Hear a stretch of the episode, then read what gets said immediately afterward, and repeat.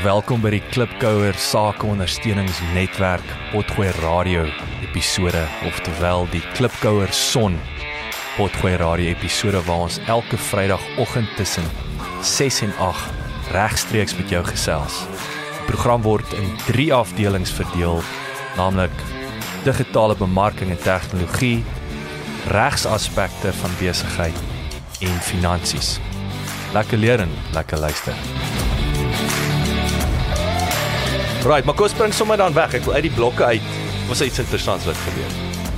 Ek dink 'n hoogtepunt was gister toe ek ehm uh, tussen twee afsprake is 'n laatmiddag en 'n vroeg aand afspraak en ek bel vir Jacques. Hy's tussen die twee plekke waar ek moet ontmoet en ek sê, "Hey Jacques, ons het dalk vir 1 uur, 1 bier gou ontmoet nie, net bietjie opsaai vir vandag."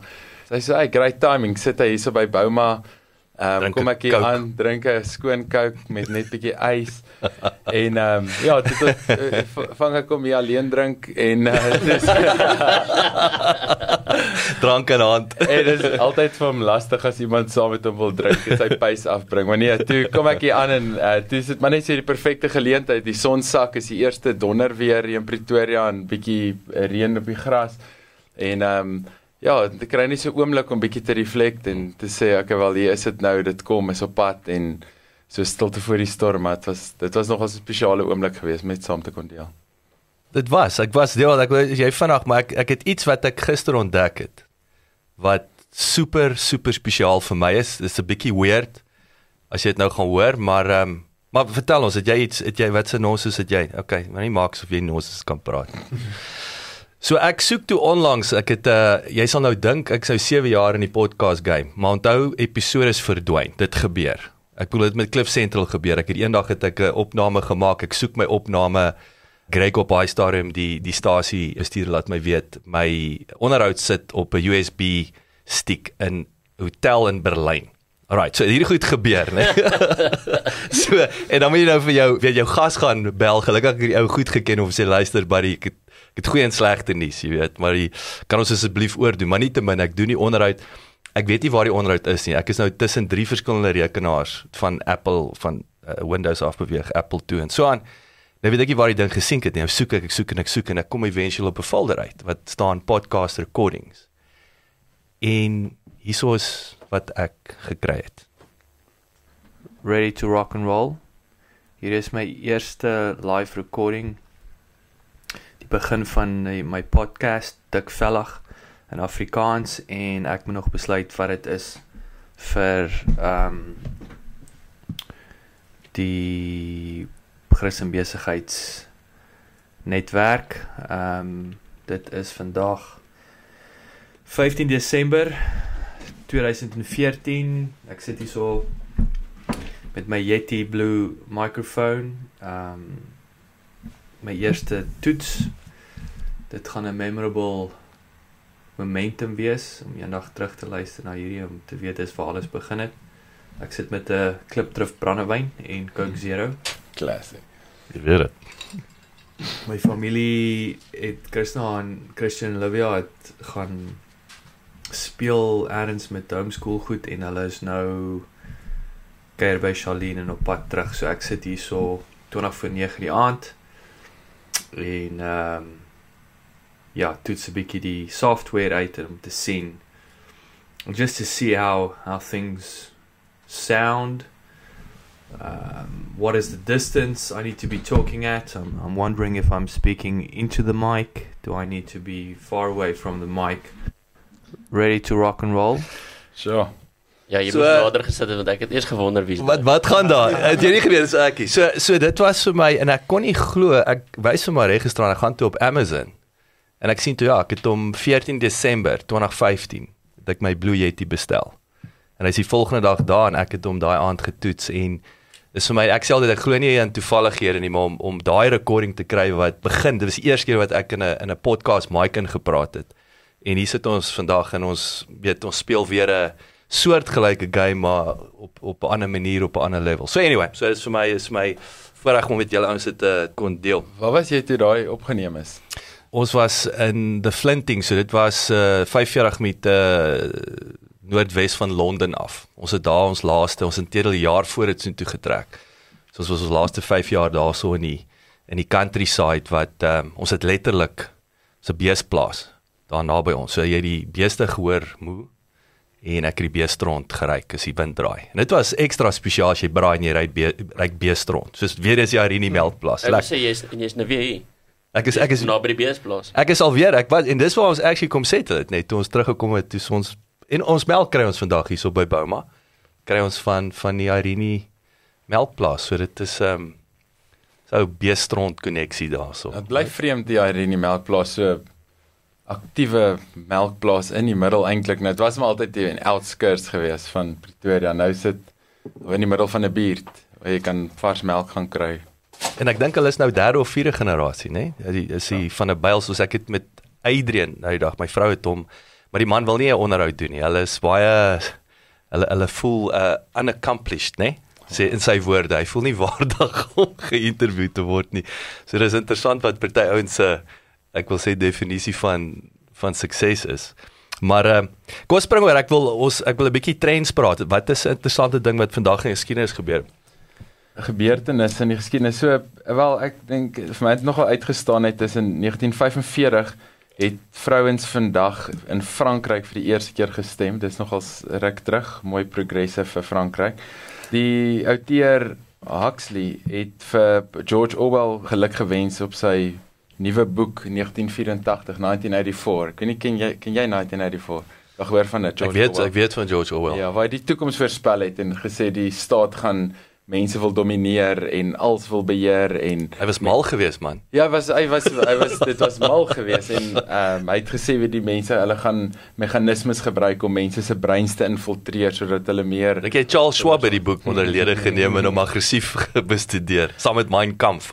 Daar baie baie baie ehm um, uh, daai boek was baie profeties geweest en al hoe meer en meer verwys mense na George Orwell se 1984 en sê Dit was so 'n akkurate voorspelling eintlik vir die wêreld gaan wees.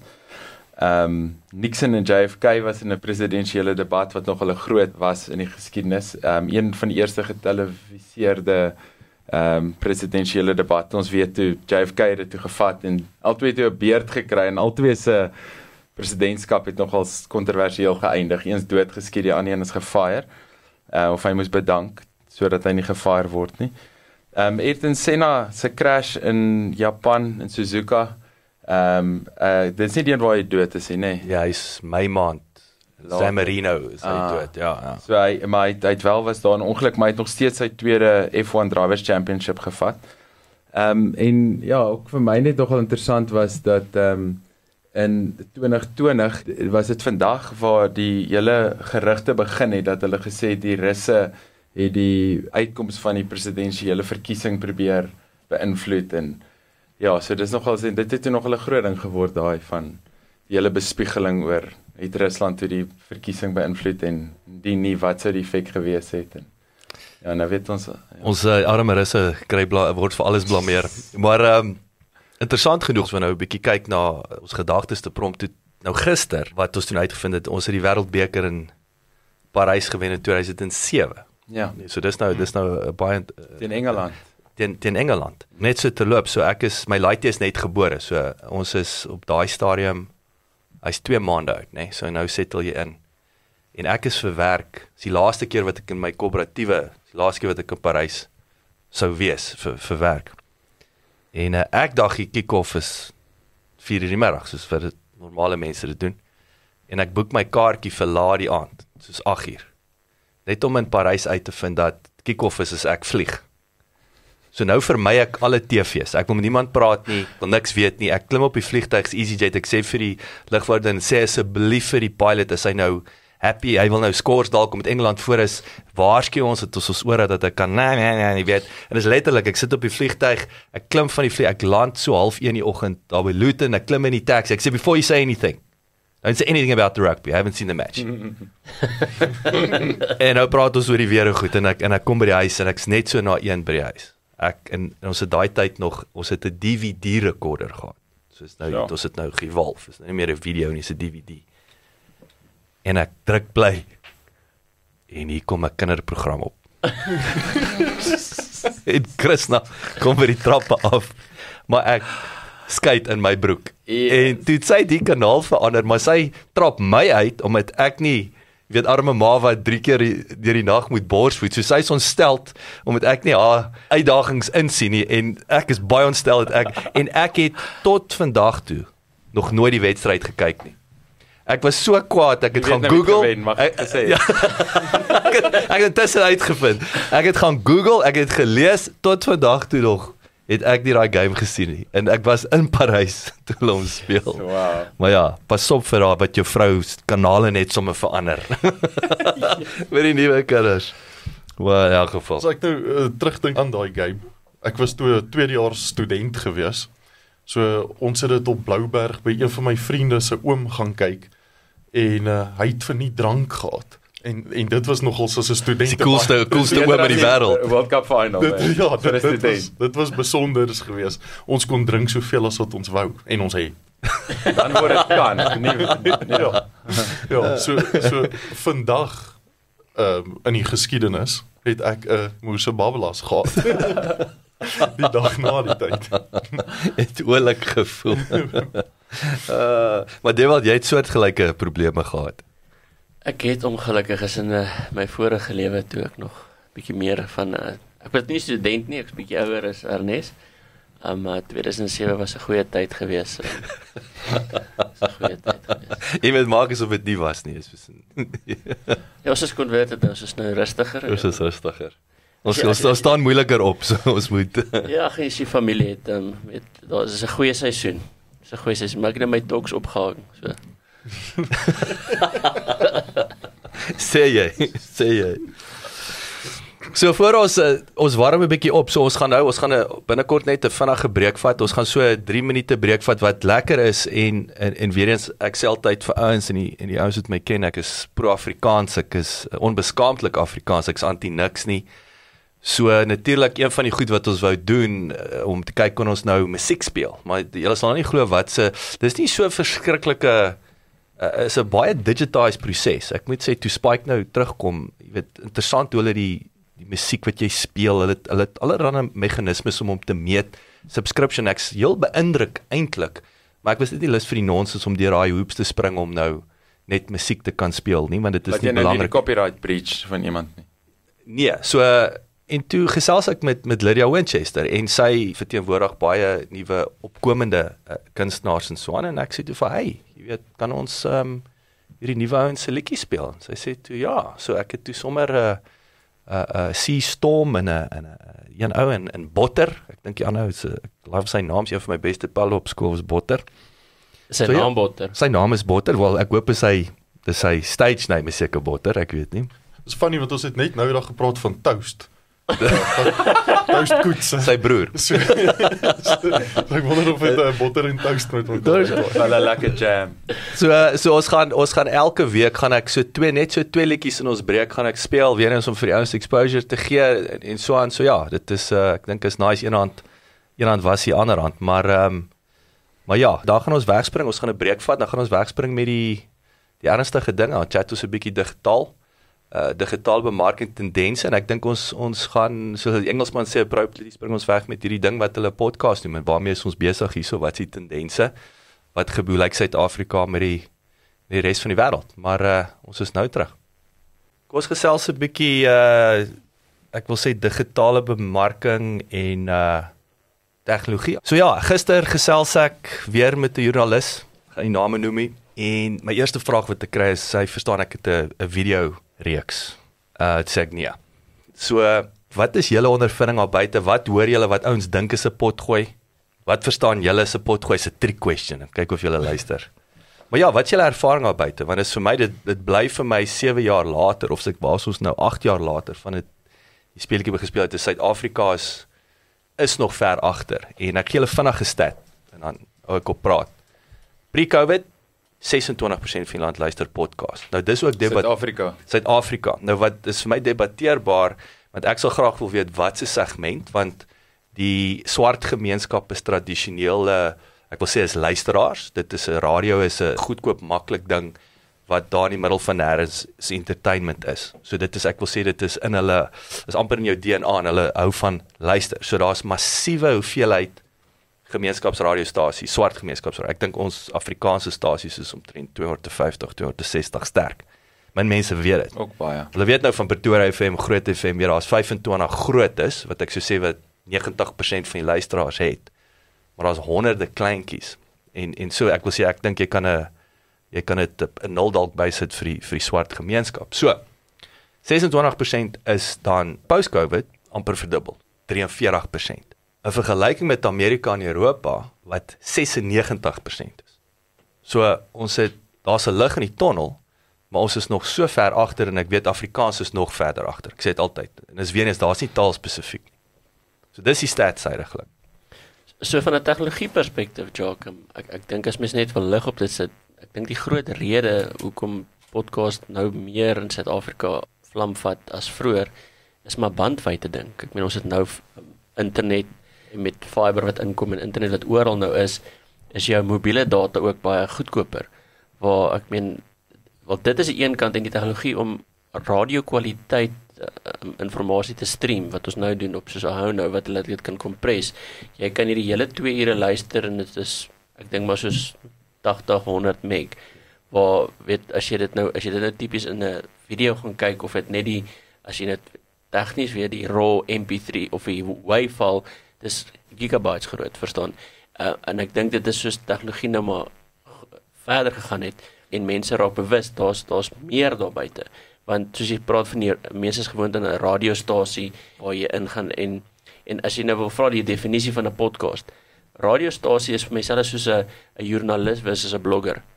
Is daar struktuur en 'n spesifieke manier hoe jy geleer word hoe jy moet praat? Dink 'n 'n podcaster kan jy het 'n mic en jy kan praat en en jy maak die reëls as jy vir 'n uur wil kan 4 uur stories vertel dan is dit dit en daar gaan daar gaan mense wees wat na jou wil luister. Al is dit net jou ma en jou sussie in my geval. maar in my vrou natuurlik. Ehm sy moet. Sy moet. En dan gaan my kinders ook laat luister. Maar so so ek dink net dit is die, die groot ding is ehm um, jy het hierdie vryheid. Ek dink uh, jy word gebonde in 'n 'n journalistiek in 'n radio omroeperol. Niks fout met dit nie, maar jy raak gewoond aan 'n spesifieke manier hoe dinge gedoen word. Waar hier sit ons vandag Ehm um, as jy vir ons 10 jaar terug gesit luister jy ons gaan in 'n mikrofoon en ons gaan voor mense praat. Ek meen selfs die tyd toe ek my podcast gehad het, ehm um, dis dis snaaks want jy sit hier en praat in 'n mic en jy jy jy het nie besef daar's mense na jou luister nie, maar as jy gaan kyk iemand het eendag mooi vir my verduidelik. Ek het omtrent so tussen 400 en 600 downloads gehad 'n maand. Nou en en weer eens ons ek vergelyk my met Amerika en ons het ons het ons by Amerikaners geleer dan sit ons nee wat ons is nêrens. Maar wat jy regtig moet gaan kyk is jy moet dink ek sit nou hier en praat en hier's 400 mense hier in 'n vertreksme. As as jy 400 mense so saam sit, dis baie. En om te dink 400 mense actually ek wil sê hulle investeer die tyd. Hulle kom luister. Kies hulle het kies om te kies om te luister. Ja. Ek het dit nie forceer nie. Al word natuurlik jou jou vrou en jou ma en jou. so so ek dink dis die groot ding is is ehm um, jy hoef nie in 'n radiosegment nie. Jy kan jy kan oor enigiets praat. Solank jy waarde toevoeg op enige vlak vir die luisteraar en die luisteraar kan kies. Ek dink vandag is ons so bevoordeel. Um, ek dink in die tye toe ek groot geraak het, hulle wat SABC 1, 2 en 3 en een radiostasie. Vandag my kinders wat groot word, ons is so bevoordeel in terme van dit wat ons kan konsumeer en jy het sosiale media en jy het so baie goed wat vir jou tyd vra. Dat um, ek dink net weer eens as iemand na ons luister nou is weet baie dankie. Weet jy, jy vat jou tyd is 'n commodity deesdae en jy vat jou tyd om te investeer in ons. Ek wil vinnig by jou aansluit. Die interessante ding, weet ek het 'n 'n nota hier gemaak. Ek het onmiddellik gedink ek het gister weer 'n mediese gesprek gehad. En daar's vir my 'n interessante korrelasie as jy gaan kyk na journalistiek wat jy 4 jaar graad gaan swat tradisioneel. 'n Dokter Elon Musk sommer gou-gou gaan swat het om 'n rocket scientist te wees want hy kon nie 'n top 1 bekostig nie, nê? Ek bedoel hy het dit letterlik gaan bestudeer om die basics te verstaan van rocket science. Weet jy, ek dink baie mense besef dit eers nie. Mm. So die punt is, is ons is ons is verby en ek sien daardeur ons kan nou ehm um, net YouTube video's kyk en gaan bou ons 'n rocket, rocket nie. Ek ja. net vir die regering sê dis nie moontlik nie. jy moet verkieslike ingenieur wees. Maar die dae is verby. Dis die geleentheid en dis ook die obstakel. waar ouens kom nie verby dit nie of hulle dink uh, het sy man selfs kerkwese. Waar as jy nie 6 jaar gaan swat het nie dan dan jy's nie 'n dominee en jy weet niks van wat kan jy nou van van teologie in die Bybel af weet? Versus 'n ek wil sê 'n pastoor wat nou jou maar die ou het net so lank, hy spandeer net so tyd uit die verhouding, maar hy hy het nie 'n titel vooraan Hmm. So daai is vir my en ek dink die Afrikaner en ek wonder of dit selfs en ek sê vra of 'n deel van ons uitdaging is met hierdie podcast game dat as jy nie 'n joernalis is nie, as jy nie 'n TV-aanbieder is, as jy nie 'n blerry sanger is nie, ek sê dit moet altyd swel vir vaste kriteria wie dit mag doen en nie mag doen versus die content expert. En dis hierso ek wil dit beklemtoon. Hier sit ons vier ons is content experts. Ek sal dit do do as I do, dan do as I say. Anderswoorde hier is ons werk, dis wat ons doen vir 'n lewe. Ons is nie besig om vir teorie te voer nie. En ek dink dit is die groot verskil en geen joernalis en ek sê dit altyd met respek, geen joernalis kan kers vashou met die inhoud wat geskep word as 'n entrepreneur met 'n entrepreneur byvoorbeeld gesels of 'n prokureur met 'n prokureur of 'n business analyst met 'n business analyst. Kan nie kers vashou nie. Hoe hoe kan jy? En ek dink ook 'n belangrike onderskeid tussen podcast en radio is tipiese radiostasie het 'n publieke mandaat, dis kommersieel van aard. Die, ding moet 24 ure 'n dag of ten minste 12 ure 'n dag hardloop en jy moet elke sekonde vul en dis heeltyd lewendig. Jy jy te doen met sensor, die Broadcasting Complaints Commission, mens hoor baie kere hoe hulle sê as jy van iets nie hou wat jy hierso hoor nie, asseblief gaan maak dit aan ons bekend, gaan lê klagte. Ehm um, want hulle is onder 'n weet hulle word gereguleer. Hierso hierdie is absoluut privaat, hierdie is op die internet. Ek glo dit is moontlik dat mense kan debatteer ten minste. Ek wil nou nie te spesifiek op die punt wees nie, maar dat omdat hierdie op die internet geplaas word en nie oor die Suid-Afrikaanse radiosyne nie, kan mens ook argumenteer dat ons is ook 'n bietjie apart van die regulering van goed. Een ons saai nie radiosyne uit nie, so ons is nie onder ICASA aan dit nie, maar ook in terme van die die inhoud van wat ons sê. So 'n radiostasie het hierdie ding van okay, ek moet back to back elke sekonde vul. Ek moet dit laat geld maak. Ek moet die mense besig hou waar podcast dit meer 'n ding van kom ons neem iets op. Ons sit dit daar buite en gee liewers vir die luisteraar daai opsie, daai keuse van inhoud om na te luister en jy kan eh, altyd ek hou van podcasts is daar's altyd hierdie gesonde balans wel. Ek kan nie sê dis altyd daar nie, maar daar's oor die algemeen vind mens dat daar's 'n bietjie van 'n balans in die entertainment gedeelte van dis net lekker om te luister hoe mense klets en aan die ander kant op voedkundige gedeelte van om regtig en en dit is na jou punt Jacques van waar jy eintlik met mense wat deskundig is in iets 'n geleentheid kry om net bietjie to speak their mind en en dis baie kere baie meer sinvol as net 'n gestruktureerde 15 minuut onderhoud wat ek gou-gou 5 of 10 key vragies vra en en hoop okay ek het die beste uit dit gekry. Waar ons mens bietjie nie gesprekke kan insettle dan word dit baie baie meer sinvol en jy kry bietjie meer van 'n gevoel ook vir 'n persoon deur na hulle te luister hoe hulle met mekaar net gemaklik praat as so Freek Robinson styl ABC breek klaar. Reg?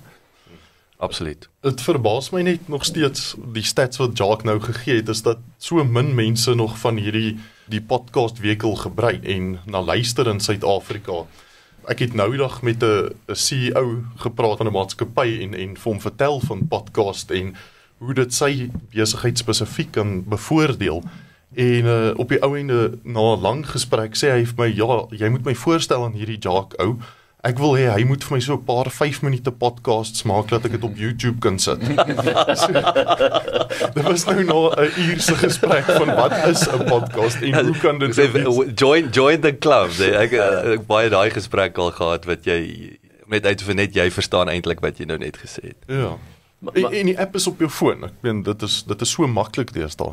Maar ek dink dit sluit so lekker aan um, Ernest met met tegnologie is mense verstaan nie altyd wat tegnologie en besigheid is en wat doen nie. Ek mens ek praat nou oor cloud technology en hierdie goed wat nou al lank is, weet as jy vir iemand gepraat het van in die cloud. In die begin was dit weet every cloud has a silver lining, weet wat wat wil jy met die goed in hierdie wolk gaan sit. In plaas van om ons kop in die sand te druk en te sê wel ek kan nie weet ek dink vir al Afrikaner besighede baie keer as jy nou al lank operasioneel is, um, ons het altyd die ding wat sê nee, maar as, as die ding werk, moenie moenie verander nie maar ek dink mens besef waartoe ons beweeg met tegnologie en waar die wêreld heen beweeg. Daai antwoord het al gewerk 30 jaar terug. maar jy gaan deel van die statistiek word wat oor 5 jaar eh, bestaan jy nie meer nie. As jy nie seker van die goeders, ek dink en mens moet verstaan, daar's nuwe tegnologie goed wat kom. Jy kan nie alles implementeer, alles doen nie. Jy moet verstaan, wat is hierdie nuwe ding?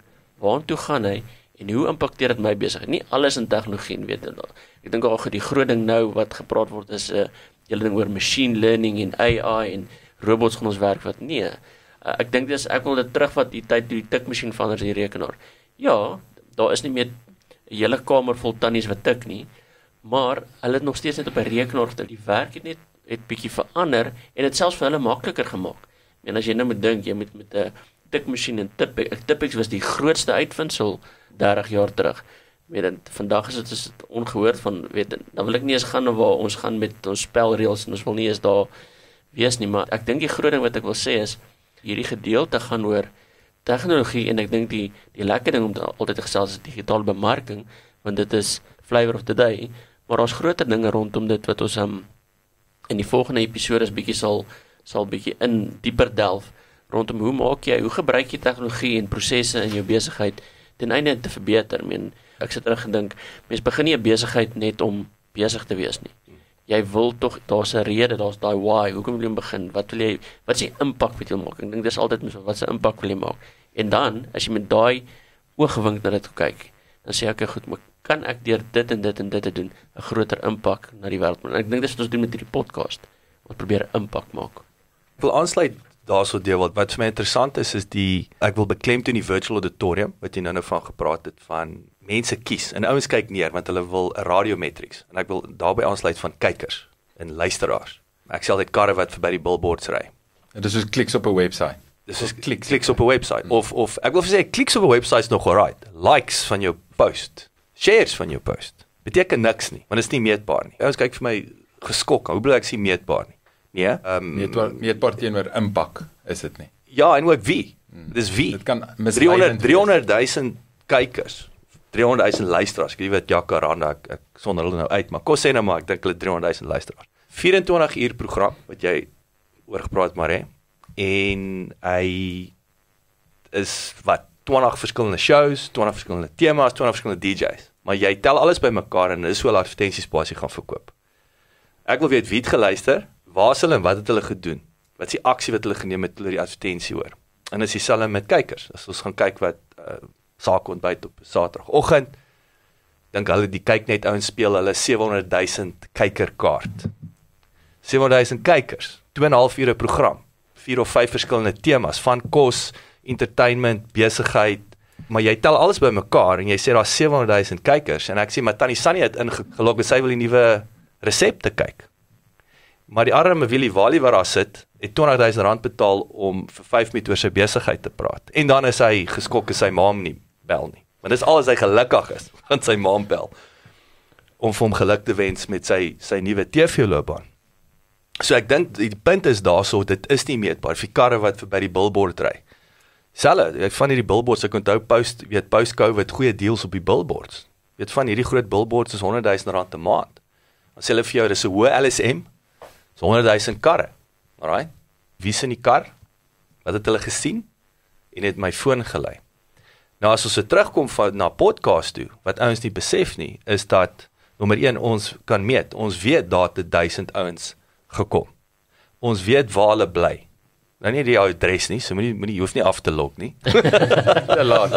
Wat weer is 'n Centurion of wat Hou aan luister want ons weet waar jy is. Ja, hoe, hoe langer jy luister, hoe meer weet ons van jou. Ja, dis is daai speer ek ek sit altyd dink in die flieks en dan bel hy mos met telefoon ook af dan dan dan sê stopwatch wat aangaan want ja. jy moet ek dink jy 30 sekondes en dis jy dan moet jy wat hulle kan hulle figure so een digit ja, op hulle, hulle triangulate ja ja ja dan is dit soos ek okay at least weet ek in lees. Alright, ons weet nou hy's in hierdie staat. Okay, okay, hy's hy's hy's in New York. Ek kan net die blokke begin uitfigure en dan sê as dit toep af en dan is o, oh, so alles verloor. Ja. ek dink dat 'n paar ouens afgeskakel het terug en geskakel. Geskyk, ons weet jy sit op die M1 vas. Ja. Ehm um, so jy weet wat se area weet natuurlik wat jy na geluister het, weet hoe lank jy geluister het. Dis ook belangrik dat jy gemiddeld 85% luister uit. Dit help ook nie ouens sit 'n drop off na 10 minute hou hy op luister nie. So ons weet wat jy dat jy ten minste en jy kan sien ook jy ou die ad of die die promo geluister. selfs watter gedeelte van geluister. Jy kan maar jy kan sien, jy kan sien. En baie belangrik, dis hoekom hulle byvoorbeeld vir jou kan statisties bewys dat 86% van die luisteraars natuurlik die podcast luisteraars, veral nou in Amerika en so, skip nie die ad nie. Want die die advertensie is relevant. Mm. Ek sê altyd as ons kyk na klipkous, hier gaan nooit iets op hierdie show wees wat niks wat nie iets met besigheid te doen het nie. Uh, ek sê altyd lekker groot bek is is Unilever môre vir my nou wil Pampers, jy weet, op adverteer of Huggies. Hulle gee my 'n miljoen rand, gaan ek dit nie vat nie. Alhoewel ek sal ek sal heel moontlik 'n podcast show het- skep het om dit te vat. Ons kan dit ons kan dit Ons kan ons kan 'n plan maak. Ons kan 'n plan maak. Ons werk nie toekomstige entrepreneurs. Maar dit dis nie relevant nie. Jy gaan jy gaan luisteraars verloor in die proses. En dit is weer as jy kyk na tradisionele advertensies, is alles vir almal. Daar's ads wat my irriteer, musiek wat my irriteer. Inteendeel ek moet ek moet 'n shout-out gee vir jou jou Hot FM en Classic FM. Ek sê altyd Classic FM is die mees nuutste radiostasie wat daar is. Daar's nie 'n lisie wat daarop is as jy luister nie. En toe kom Hot FM wat hulle self posisioneer as 'n uh, old school 80s 90s musiek en die twee join forces. So nie net vat hulle nou 'n uh, classic FM wat 24 uur lank moet hardloop nie of ek weet nie hoe lank het hulle gehardloop nie, maar nou deel hulle die kanaal. So daai is vir my die uh, die beste voorbeeld van hoe jy twee niche uh, markte bedien baie effektief, koste-effektief op 'n baie slim manier, maar die klem lê op niche. En dan om terug te kom na meetbaarheid, ons kan vir jou sê wat of jy iPhone gebruik het. Kan vir jou sê of jy 'n uh, MacBook, ons kan vir jou sê iPad, kan vir jou sê 'n Android device. Kan selfs weet die kwaliteit waarteen jy geluister het. Jy weet so daai en selfs jou iPhone, dit sê vir jou, dit sê vir jou iets van jou, die profiel van jou luisteraar. En natuurlik baie belangrik, seker die mees belangrikste, ons weet okay, dis op Spotify. Spotify het natuurlik ontplof nou.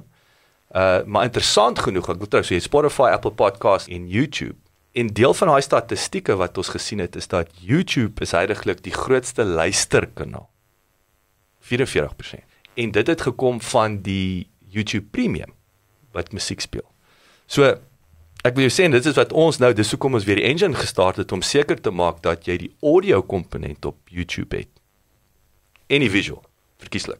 Maar ek wil sê if all else fails, kry die audio komponent op YouTube want dis waar die ouens luister en so ek en ek en ek sien ook 'n jonger generasie wat ek agterkom geniet soos my laaitie ek kom agter 'n jonger lot wat YouTube Premium ver, ver, verkies as as 'n plek van consumption.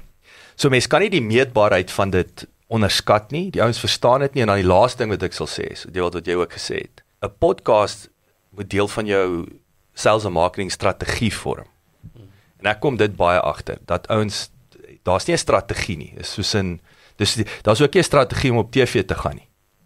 En, Want en die die strategie is ek wil met Dawie gesels. ek wil met Dawie sê en, en en my foon gaan van die mikkie af lê as ek op TV was.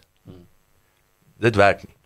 Hy En, uh, dis jou paar pelle want dis hy 15. Hulle gaan jou fyn, ja. Die braaivleis vir die bragging right, right? Yes. So so dit is dit is die hartseer realiteite en die ouens verstaan dit. nie. Maar soos ek sê, 'n podcast, die daar's verby wat jy opdaag in die mic en praat en rekord. Daar is 'n strategie. So uh, ek dink dit sal dalk interessant wees om dis nou baie letterlik amper 'n ding van om vir die koor te preek, maar uh, want iemand wat hierna luister, luister uiteraard reeds daarna, maar ek dink dit sal tog goed wees om net bietjie te praat oor wanneer en hoe luister mense na podcast? Is dit net op 'n is daar net een app? Is dit net op YouTube? En ek vra asof ek nie weet nie. Is dit uh moet jy altyd op die regte link klik? Kan jy dit goed weer na die tyd kry en soek? Wat as ek in die kar ry? Hoe luister ek daarna? Ja, ek dink dit is 'n praktiese aspek daarvan. En dit kom terug, kyk, dit gaan oor consumption on demand. Soos deel toe ek sê jou data is nie meer die issue nie, dit was. Dink 'n 15 minute onderhoud nou is 3.5 megabytes gemiddeld. En jy download by jou huis. Jy het jou show, hy kan outomaties download en dan van daar af Bob is jou ankel. Jy app het op jou foon, ons het Apple Play en die karre dit raak nou algemeen. So dit ek wil sê dis die maklikste ooit om om dit te verbruik. Ja, ek dink ek wil aansluit by Marie. Ek dink jy het soveel opsies.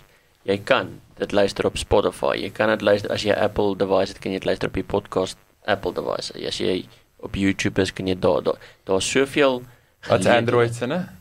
Wel Spotify het, het daai bridge gegap. Histories moes ons SoundCloud gebruik om vir die Android user te akkommodeer. Spotify, ek wat uh, Apple iPhone het, luister nie op Apple Podcasts, ek luister op Spotify. So ek consume en selfs met YouTube. So daai dis hoekom ek dink jou Android dit het makliker geword vir Android verbruiker om podcast te luister versus die Apple ou wat by default. Ja, ek ek ek dink die groot ding Apple het, het as deel van die ek sê die native apps, die hulle podcasting kan ek maar sê amper al ge, geboorte gegee aan dit. Want dit kom klaar op jou foon deel van dit. Met um, as jy 'n Android foon het of van die ander het, daar's nie 'n default nie, maar daar's deesdae so baie players. Ek, ek gaan nie vir jou kan sê nie. Ek is 'n Apple ecosystem. Weet Spotify, maar Spotify is nie 'n native app nie, maar dit is 'n streaming device, maar maar daar's so baie plekke deesdae dat dit eintlik maak nie saak nie.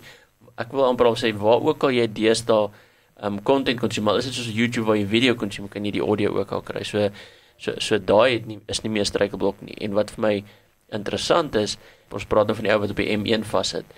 Uh, jy het gewoonlik jou radio net aangesit en jy het ingeskakel op 'n radiostasie. Vandag het jy um CarPlay, jy het, jy het tegnologie in jou kar. So dalk luister jy vandag um, in jou kar na ons en hallo. Hallo, kyk op die pad. Ja, Ek wou nou ja luister, nie kyk weer hy. Hmm, ek wou nog hoeka gesê het ek dink amper daai steekproef van vroeër is by die Gautreinstasie gewees van 46% van mense wat wat podcast luister. Ek dink ek wonder nogals uit die groot populasie wat dit sal wees. Ek dink as jy as jy dink mense wat nader aan tegnologie is wat toegang het tot data wat op hulle eie oorfone of klankstelsel daarna kan luister. Ehm um, Tyd tyd het wat jy wat jy wat jy in uh in transit is ja, ja. en ehm um, jy weet mense wat rondry en maar ook ek vind dat uh, vir my is dit baie nuttig om byvoorbeeld sê maar ek oefen by die huis of ek doen iets huiswerkies, jy weet wat jy dagtaakies in en om die werf tipe goeters is dit eintlik daar's baie tyd um, ek dink Anthony Robbins noem dit net time, no extra time. Iets wat jy kan doen terwyl jy iets anders doen. En dis wat ek nogals vind podcasting lekker maak en in plaas van om nou maar net musiek aan te sit of die radio en eintlik maar net bla bla in die agtergrond te hoor soos net amper white noise of wat ook al. Ehm um, is 'n podcast so bietjie meer bring ietsie relevant vir my. Al is dit ietsie wat ek nie noodwendig so into is nie, maar so vind bietjie hieroor uit en dan dis altyd nogals interessant. Ek dink is die non-intrusive komponent, nee. Dit meng nie in nie. Meng nie in nie. En en dit is wat ouens ook vergeet. So almal is en ek bedoel kyk dit 'n rol. Hulle noem dit uh, daar's 'n naam wat ek onlangs geleer het en dit sal help as ek dit onthou het, maar dit is soos 'n dis wat TikTok gedoen het. Dit is hierdie tipe van 'n 'n sample, 'n sample visual ding. Jy proe. Jy dis dis dis dis tuisters. Dis die krag, dis eintlik die krag van kyk. As ek sien wat ook wat die groot handelsmerke en weer eens ek gaan nie name noem nie, maar almal wil 'n YouTube kanaal of hulle wil TV reeks of 'n TV kanaal hulle dink kyk is superieur. Kyk is nie want jy kan net kyk as jy kyk. Mm. Jy kan net lees as jy lees, maar met 'n podcast, ek sê altyd bed, bad, bike, braai. Ek weet nie wat stofsuig wat hier die huis skoon maak. Bediende. By die huiswerk. Bediende, ek weet daai een. So so dit is dit is die krag van die media. Jy kan jy dit is nie dit meng nie in nie. En dis weer eens ouens kan dit nie onderskat nie. En en en en meetbaarheid, nie intrusief nie, niche. Ek wil niche beklemtoon en die ou kies, die persoon kies om op te daag. Jy forceer dit nie in 'n keel af nie. Ek dink dit wat, wat wat lekker gaan wees wat ons gaan begin doen in in, in die toekoms as ons praat oor tegnologie en daar's iets spesifiek. As jy nou praat van ons meng nie in nie. Ek dink jy hoef nie bekommerd te wees nie as jy dalk 'n stukkie nie mooi verstaan of luister nie. Um wat hierdie nice maak, ons gaan vir jou 'n resource available maak na die tyd wat jy kan kom download of jy kan weer luister, jy kan kom vra vra, jy kan engage. Ek dink dis die verskil is dis nie once of jy het dit gesien en o, oh, yes, ek is nie seker nie is daar's ietsie daarna. Ons gaan vir jou ietsie ons gaan vir jou 'n pakkie gee, 'n pakkie vir die huis toe gaan gee saam met dit wat jy kan gebruik. jy gaan nie net na 'n lekker buffet en jy kry 'n takeaway ook. Ja. Maar ek dink 'n 'n belangrike ding ook is dat en dis iets wat ek jou en julle geleer het, uh Jacques en Ewald is die herverpakking van die inhoud. Is dat ehm um, as deel van 'n digitale bemarkingsstrategie, dit is jy sit iets daar buite vergelyk dit met om by 'n handelskou te wees en jy stap tussen die stalletjies en hier kry jy nou 'n kans om uh, die gesig van 'n besigheid ontmoet, die beste verkoopsmense in 'n maatskappy praat met jou uit hulle hart uit in persoon en hulle vertel vir jou hierdie ding hoekom jy nou hierdie trekker moet koop of hoekom jy hierdie laptop moet koop of hierdie skoonmaakmiddel of wat dit nou ook al is en jy jy is sommer 'n bietjie meer oortuig as wat jy sou wees net op advertensie van so persoonlik. En om daai net maar verkoopsman of dame op die voorfront te plaas en daai pitch daar buite te sit en as iemand iets luister dan luister hulle daarna en dit bly daar.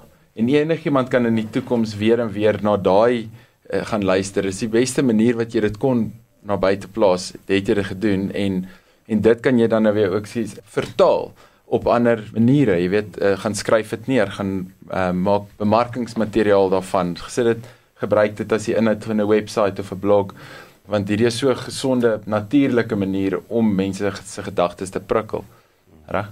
Die rakleeftyd is interessant. Jy het 'n paar goed en ek wil sê ter opsomming aan laat ons uh, aanbeweeg na die volgende segment toe. Is die niche content. As jy kyk weer na tradisionele radio, is my interessant ook is baie aktuelle sake. Is gewoonlik geanker in sport, die wisselkoers, politiek, politiek. Iets wat nie relevant is volgende week nie of oor 'n maand of hel load shedding het seker 'n baie lang raakleeftyd. Ek weet nie. Dis is steeds maar Ja, maar jy kan nie vir sê wanneer nie, want daai verskil die hele tyd. daai verskil die hele tyd. So, so as jy gaan kyk as ons kyk na Klipkous en so, daar's ek het nou nog downloads van episode van 6 jaar terug. So ek wil vir jou sê as jou content niche genoeg is. Funksie en ek praat nie van ja, jy kan 'n jy kan 'n baie niche mediese podcast reeks hê wat gefokus waar dokters kos sê farmaseutiese maatskappy wat met sy spesialiste praat en onthou mediese tegnologie beweeg teen 'n helse spoed. So ek praat nie daarvan waar tegnologie verander nie, maar oor die algemeen is die is daai inhoud daar binne van het sy die persoon se storie wat inspirerend is en sekere besigheidskomponente of funksionele komponente wat jy kan toepas en dit gaan nog steeds relevant wees oor 3, 4, 5 jaar vanaf. So die ouens onderskat die rakleeftyd van die inhoud en dan ek dink baie belangrik is soos jy ook weet jy sê die herverpakking. Ek, ek dink dit is wat ek besef en dis hoekom ek ek het onlangs ook vir ouens gesê ek praat nie meer downloads nie. Ek ek ek sien bereid om daai gesprek te hê nie. Ja, dis 'n mate van jy wil ook nou nie sien jy het jy 3 downloads 'n maand nie, want dit gaan dit is ook 'n indikasie van die kwaliteit van jou inhoud. Maar dit gaan vir my oor die inhoud wat ons hierso skep en ek wil net op daai punt ook sê ons gaan hierdie inhoud elke maand gaan ons herverpak in 'n digitale tydskrif. So vir julle ouens daarso weer eens behalwe dat hierdie teen vanaand 6uur soos ek in daai eerste promo wat ons gesê het vanaand 6uur is hierdie vier pot gooi episodes. Jy kan weer gaan luister, jy kan net na sekere segment luister en oor 'n maand kan jy dit kyk, lees of luister. En uh, ja, ek weet nie hoeveel mense nou luister nie, maar hallo ma. Dus, uh, ek dink ons ten minste 4 mense. maar ons uh, hierso is daai uh, eerste uh, liedjie. Ek wil net weer eens vir Lydia Winchester dankie sê. So hierdie is 'n uh, ou, sy naam is Botter en uh, sy liedjie is uh, Blye Dromer. Ons is binnekort terug. Ons volgende segment, so ons het nou die bietjie digitale bemarking tegnologie gesels in die podcast ding.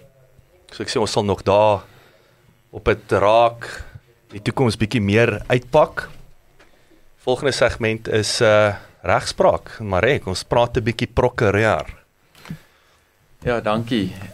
So daar's heelwat goed wat 'n mens kan sê wat interessant is in die reg. En dit is baie maklik om vervleg te raak in allerlei tegniese aspekte en hierdie regter het hierdie ding so en so geïnterpreteer en hierdie latynse sin beteken nou van nou af so in 'n grondwetlike konteks en goed, maar ek dink op 'n praktiese vlak is dit belangriker en meer relevant om te gesels veral in 'n forum soos hierdie oor wat is die impak van sekere regsbeginsels en nie net ehm um, die regsbeginsels as sulks nie, maar ook die koste daarvan om 'n sekere regsbeginsel te wil glo of afdwing of daarin vashou.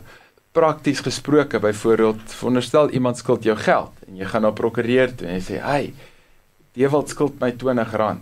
Help my om hierdie R20 by Dewald te kry." Ja, dis die prokureur se werk om dagvaarding uit te reik en briewe te skryf en so, maar eintlik is die kliënt se behoefte om die R20 terug te kry. Nou as ek begin om vir Ernest R50 en 100 en R200 te vra, om daai R20 te jaag, dan is dit lankal nie meer die moeite werd nie.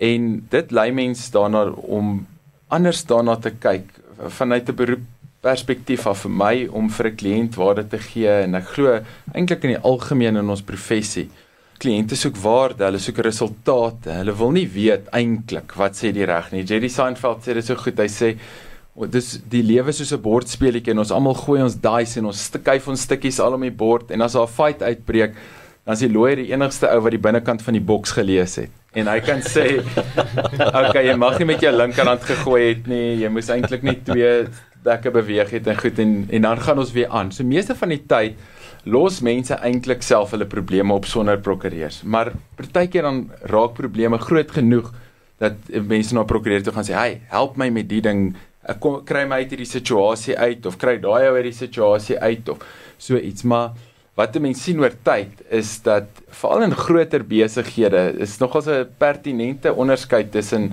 baie korporatiewe besighede en klein SMEs en so is dat die korporatiewe besighede het baie funksies in die maatskappy wat nie net core business is nie. Hulle verkoop nie net toiletpapier en tandepasta en goed nie.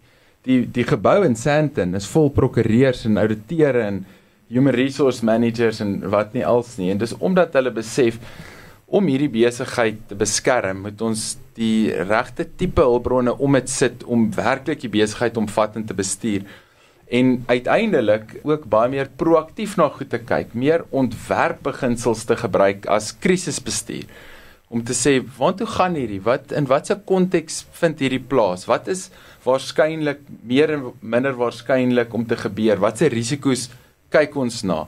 En om proaktief te wees, spaar uiteindelik baie meer geld as om te wag tot die fight uitbreek en dan iemand ten duurste te kry en sê help my om hierdie ding nou te verstaan en op te los.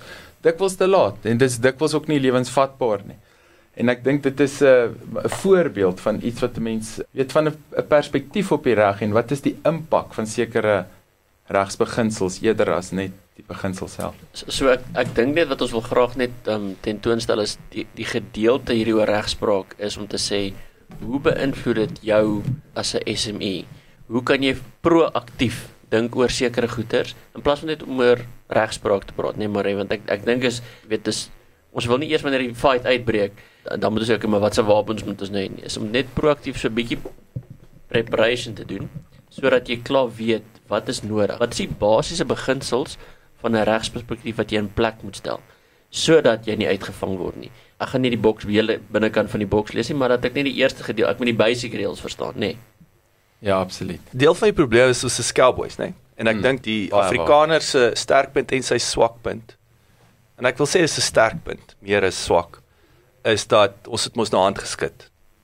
Maar ek sê ook, jy weet altyd daai wat ek sê wat jy hoor en wat jy sê en ek hoor sien dieselfde ding nie. Veral nie as ons begin moedig raak vir mekaar nie en, en dan dan skop selektiewe geheueverlies in. Maar ek wil net ek het vir jou vinnig gevra, is deel van die uitdaging juis nie ook omdat dit moeilik is in Suid-Afrika om vir klein bedrae te gaan baklei nie. Jy weet ek dink al vir jou storie vertel in Engeland kon ons suksesvol vir ek het daai een fight was 700 pond. So ons praat van 14000 rand. Jy kan gaan fight dit. Vat jou 3 ure en jy wen hom en word jou taxi geld sommer ook gecover in die proses. So nommer 1 is hoe lyk dit? Jy weet wat waar's daai wat is die situasie met my as individu om te gaan baklei en as as 'n besigheid en ek wil sê amper waar's daai lyne en waarvoor moet jy versigtig wees? Okay, daar's natuurlik 1001 verskillende eisoorsake en redes waarom mense met mekaar in dispuut eh, staan en weet wat se uitkomste mense najag in dispuutprosesse en so aan, maar so byvoorbeeld sou dit na die CCMA toe gaan, was dit 'n werknemers geskil is iemand is afgedank of hulle salaris is net eensydiglik gesny kan mens na die CCMA toe gaan dit is gemaak om toeganklik te wees jy kan dikwels sonder regshulp nogals redelik ver kom jy word gehelp daar. Daar's eintlik in Suid-Afrika oulik vir my al hoe meer sulke ombudsprosesse en ombudsforums wat werklik waar bedoel is om toeganklik te wees en om vinnige regshulp te kry en, en maklike regshulp.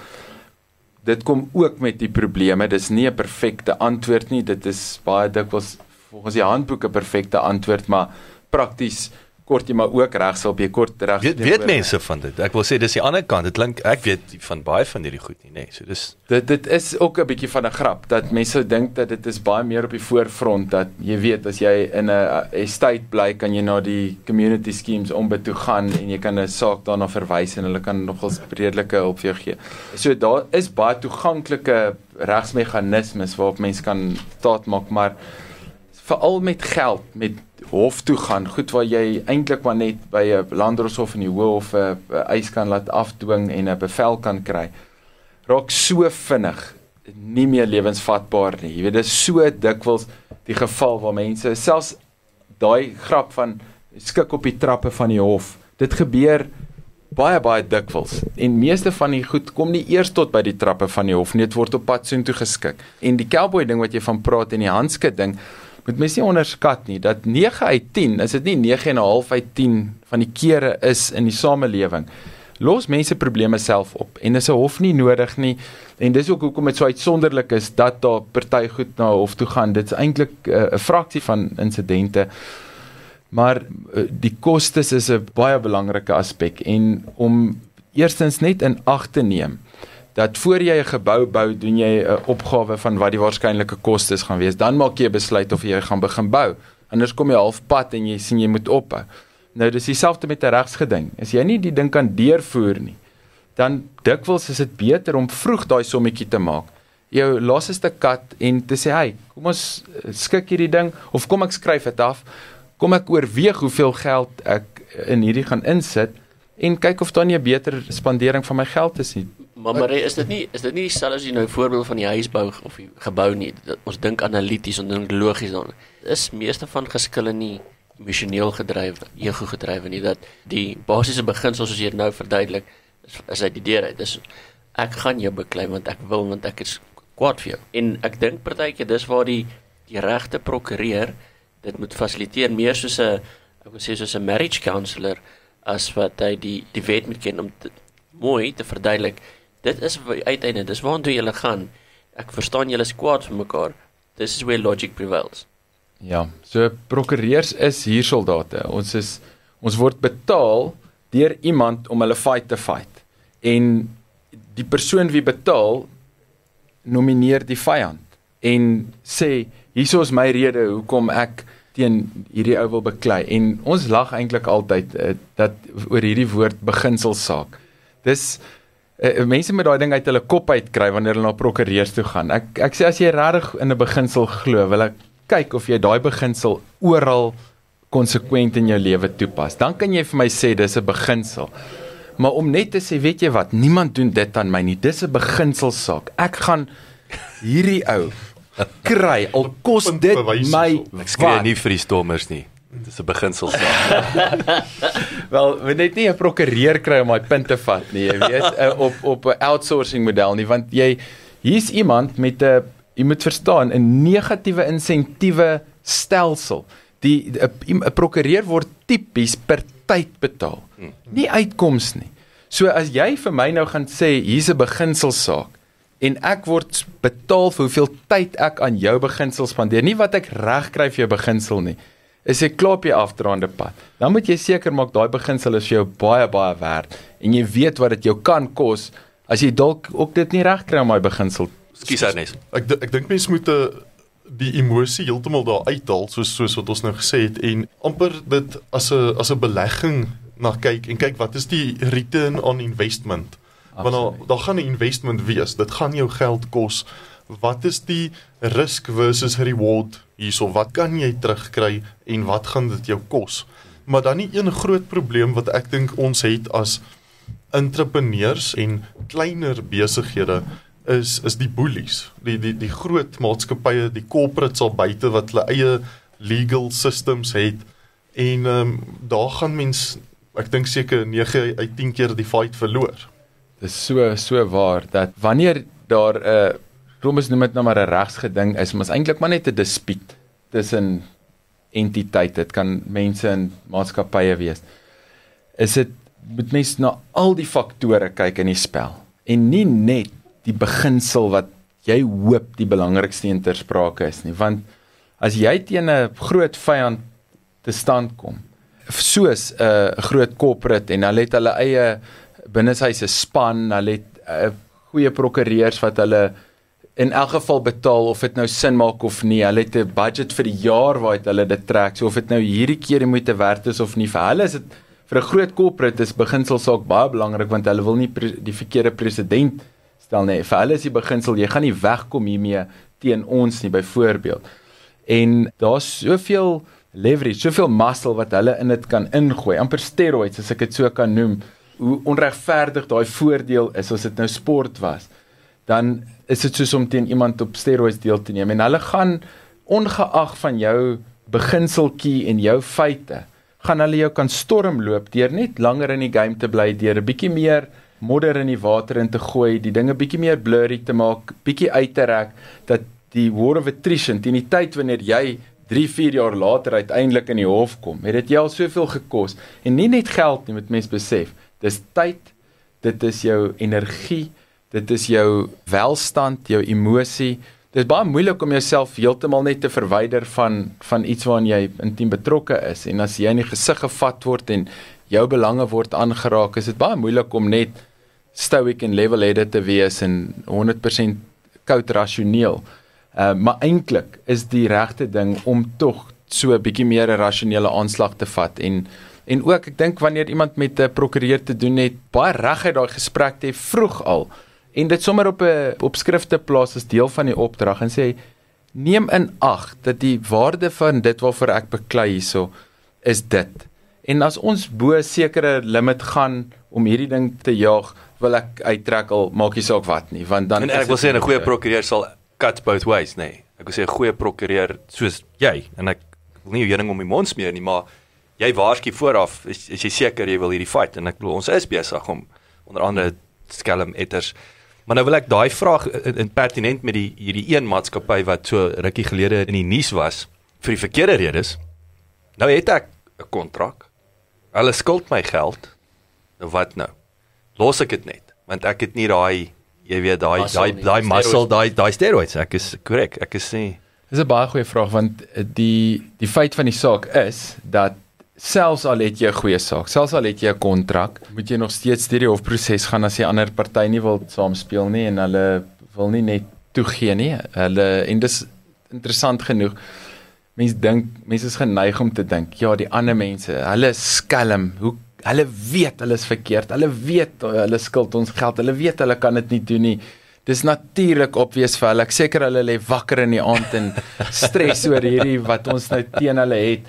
En dan as jy die ander kant van die storie hoor, dan is dit soos nee, die ander kant sien dit heeltemal anders. Hulle Johan het bedank intussen. Ja, Dis by 'n ander maatskappy. Hulle oor die kontrak. waarskynlik dat jy is 'n skelm. Hulle dink hulle is reg. Hulle dink jy mors hulle tyd. Hoe durf jy hulle aanvat en so voort. So dit dis die ding. Okay. So die kostes kan baie vinnig dit verbyvat al het jy 'n goeie saak. En ek dink selfs daar is die proaktiewe element dat sou dit 'n veral in besigheidstransaksies kan jy in die kontrak in jou eie ehm um, geskilbeslegtingsproses definieer en daartoe toestem.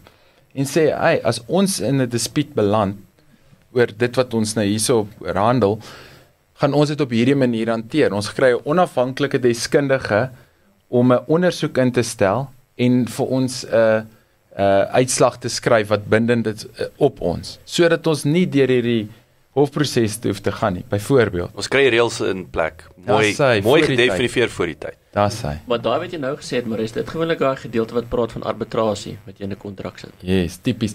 En dan is daar nou eintlik 'n bietjie van die ek kan sê die nuwe ding is nou nie so nuut nie, maar baie mense weet eintlik nie daarvan nie. Is, is so tussen mediasie en arbitrasie. Kyk, mediasie is iemand wat 'n gesprek fasiliteer tot mense ooreenstem tot 'n skikking. Arbitrasie, 'n uh, 'n arbiter is iemand wat voorsit, amper so 'n private hofsaak uh, lei amper in 'n Hy vertrek. luister na al twee stories. luister na al twee kante, daar's reëls en dis jou beurt, jou beurt en bewysstukke en argumente en dan's die bevinding.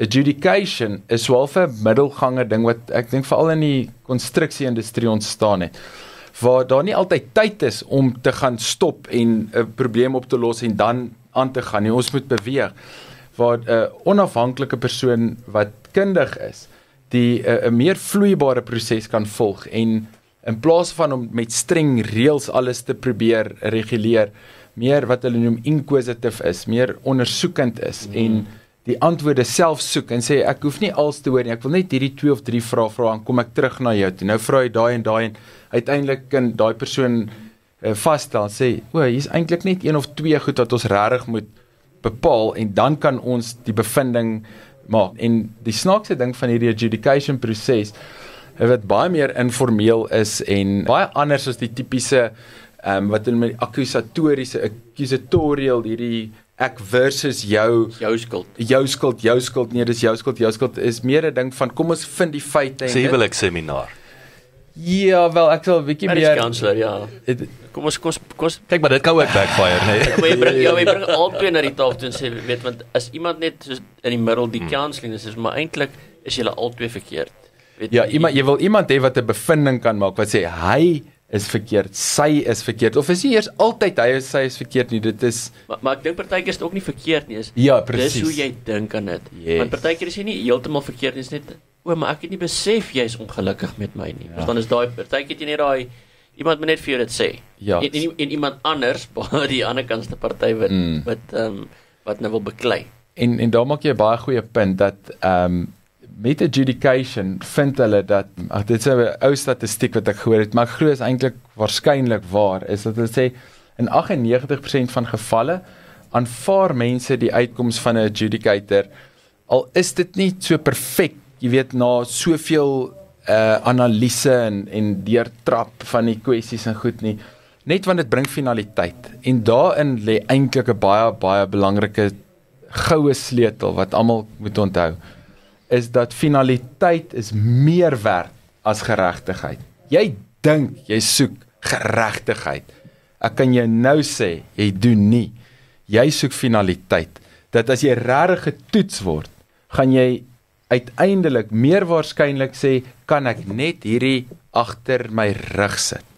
As ek gaan nog 2 jaar gaan. Ek gaan nog 200 000 rand spandeer. Ek wil die einde van hierdie ding sien. Dit gebeur super selde dat daai die motivering is as daar nie 'n baie belangriker kommersiële of um, belang. Jy wil net hoor wat sê Judge Judy Kuyter vir jou. Maar maar wat is die ek ek ek dink dit is belangrik oor die finaliteit is uh, dit gaan nie net oor die geld wat jy spandeer aan regskoste nie. Ek sit ek ek, ek, ek noem dit altyd mindspace. Hmm. Weet as as jy nou in die aand wakker lê Hmm. oor hierdie geskil, wat beteken dit? Hoeveel verloor jy in jou besigheid nie? In, meen ek meen ons praat nou oor 2 3 uh, geskille kan lank aangaan. Waar kan jy jy het nou dalk beklei oor 'n oor iemand wat jou koffiekoppie gekopie het. Maar hoeveel ander idees kon nie meer opgekom het in tussentyd wat nog 'n groter wen kon wees het. Waar ek dink altyd mens al teruggaan, waar kan jy wees? Maar maar ek dink is weer eens ons is ons is mense, ons is emosioneel. Partykeer raak ons vas in hier soos jy het genoem die beginsel saak. Ek dink jy het, jy het 'n oulike storie nou daar verduidelik ehm um, van as ons in die as ons in die bar sit en die ou vat in jou in jou in jou meisie se bout, jy weet. Ehm um, in die mediator is maar okay, okay, so ek gaan dit los, maar ek wil net gou 'n laaste klap gee op pad uit. Weet nee, jy moet dit nou los. Ons moet nou weet jy met is dit los? Ja, dit eintlik soos in 'n in 'n bar fight is daar nie 'n wenner nie, daar's net altyd twee losers. En dis omtrent hoe dit werk met regsgedinge dikwels en ek kan nou nie sê dit vir Wel, jy almal het nou nie, welkom se bar fights gesien nie. Daar daar is daar is duidel- daar is verloders. 'n duidelike verloder. maar ek bedoel die die waarheid is dat jy wil eintlik uit die fight uitkom. Jy wil wegloop al het daar ongeregtigheid geskied. Is dit baie dikwels die beste om die fight self te uh, vermy en jouself te vra wat is die beste gebruik van my tyd en hulpbronne? Presies wat jy sê, Dewald, dat is dit iets wat ek regtig wil verder geld in belê en eintlik op risiko plaas of is daar dalk 'n beter manier wat ek daai selfe geld kan spandeer, ander geld kan maak en en oor kan begin met 'n skoon ehm um, gedagtes. En uh op 'n laaste uh, punt ook ons gaan uh, kyk uit maar hy gaan ehm um, wat ons ook in die begin hierdie podcast ding alles wat ons hier doen is dit dis daai gratis ware toevoeging nê nee, wat ons hier doen. So maar hy gaan ook 'n uh, 'n uh, standaard uh, service level agreement instel wat ons vir jou, jou besigheid daar wat jy kan bietjie tweak maar ons gee vir jou fondasie om seker te maak daai daai handskrif is 'n bietjie meer formeel uh sonder verrassing. So check 'n bietjie uit vir dit. Uh ons gaan 'n breek vat en hierso is uh See Storm is die kunstenaar en sy liedjie is Koenlapper. Lekker luister. Hoorie so ons nou ons is nou so die in die laaste deel van die oggend waar ons 'n bietjie gaan geldjies praat. Ernest. So uh, oor na jou. So vir oggend het ek besluit om uh soos wat ons nou afskop hierso met uh ons eerste episode of uh uitsending ek besluit om net Sending. Skie. Dis 'n potsender. On potsender. Dis 'n raas raas sending. Rapport Ghost sending. radio. Ehm Ek hou daarvan. Cast radio. Dit vat. Nou vir die finale. jy kan jy trade Pond jy doen mos trade trade maak. Wat is hy? Cast radio. As 'n pond gooi. In elk geval ontgooi. Ons praat nou van hengel hier, so wat waar is ons nou? Nee, die geld. Oei. Ja, die geld, die geld. Sorry Ernest, jy ons jy sê ons weet jy's 'n snaak sou. So Nee, jy nou ons ons ons ons verander nou die heeltemal die energie in die kamer. Ja, maar nog hoer vind ook weer dis ons daai vind is visvang ons ons gooi hom nou Ons aan. weet dit is 'n visbesigheid. Ek het nog nie eens begin praat nie en julle gegaal al.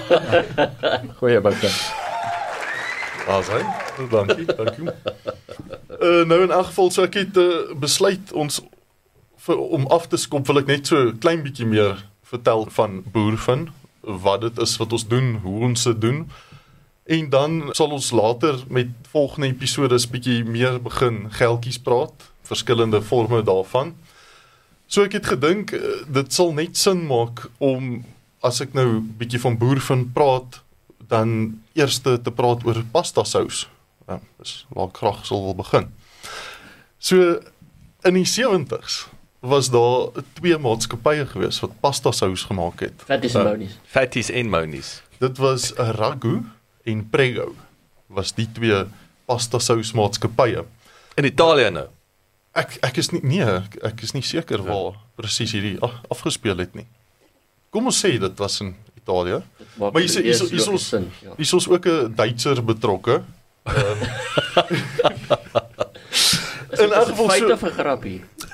nie net soos as ons finansies praat, praat ons feite. So wat wat wat gebeur het is ehm um, Ragu was 'n uh, 'n uh, goedkoper produk geweest, goedkoper 'n bestanddele waarvan hulle dit gemaak het, maar hulle het tog altyd die meeste souse verkoop. So Prego wat 'n wat 'n baie hoër kwaliteit pasta sous was, was nie die gunsteling nie.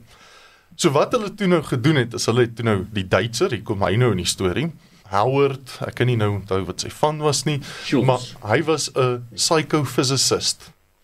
So hy het goedjies gemeet en en dan toets hy dinge en dan maak 'n bietjie steekproef en dan op die ou einde dan maak hy nou 'n conclusion en dan sê hy dit is hoe dit gaan wees. So wat hy toe nou gedoen het is ehm um, Prego stel hom aan, hulle sê vir hom ons sous is beter, maar waarom verkoop dit nie so goed nie? En hy gaan kyk toe en hy sien daar's basies net twee tipes pasta sous. Jy kry of spicy of original. Dis dis die enigste twee. Spicy of nicey. So so wat hy toe nou doen is hy vra vir mense wat wil julle in 'n pasta sous hê? En hy kom toe agter mense weet nie. Hulle weet nie wat hulle in 'n pasta sous. Hulle weet daar's spicy, hulle weet daar's original. So hy gaan toe en hy gaan skep toe 45 verskillende pasta souse. En hy laat hulle toe nou toets. Die mense proe toe nou, hulle eet toe nou vreeslik baie pasta sous vir 'n lang ruk party was bietjie suurder, party knoffel by gehad en en so het hy nou 45 verskillende souse gemaak. So vind hulle toe nou uit dat mense wil eintlik chunky gehad het. Dit is toe nou die een wat hulle toe nou besef het. Die Chunky, so stukkies. stukkies in 'n lekker chunky pasta sous wil hulle toe nou gehad het, maar hulle het dit nie geweet nie tot hulle dit geproe het nie. Nou nou die hele rede waarom ek nou begin met pasta sous is is dit is hoe boer van besigheid doen. Meeste mense weet nie wat dit is wat hulle nodig het nie. Hulle weet nie wat dit is wat hulle wat hulle wil hê nie.